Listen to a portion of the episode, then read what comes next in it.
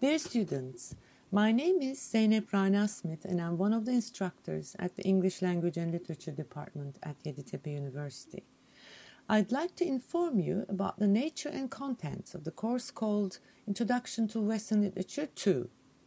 This is a course taught in the second semester of the first year education in our department, and it's the second part of the first semester course, Introduction to Western Literature 1.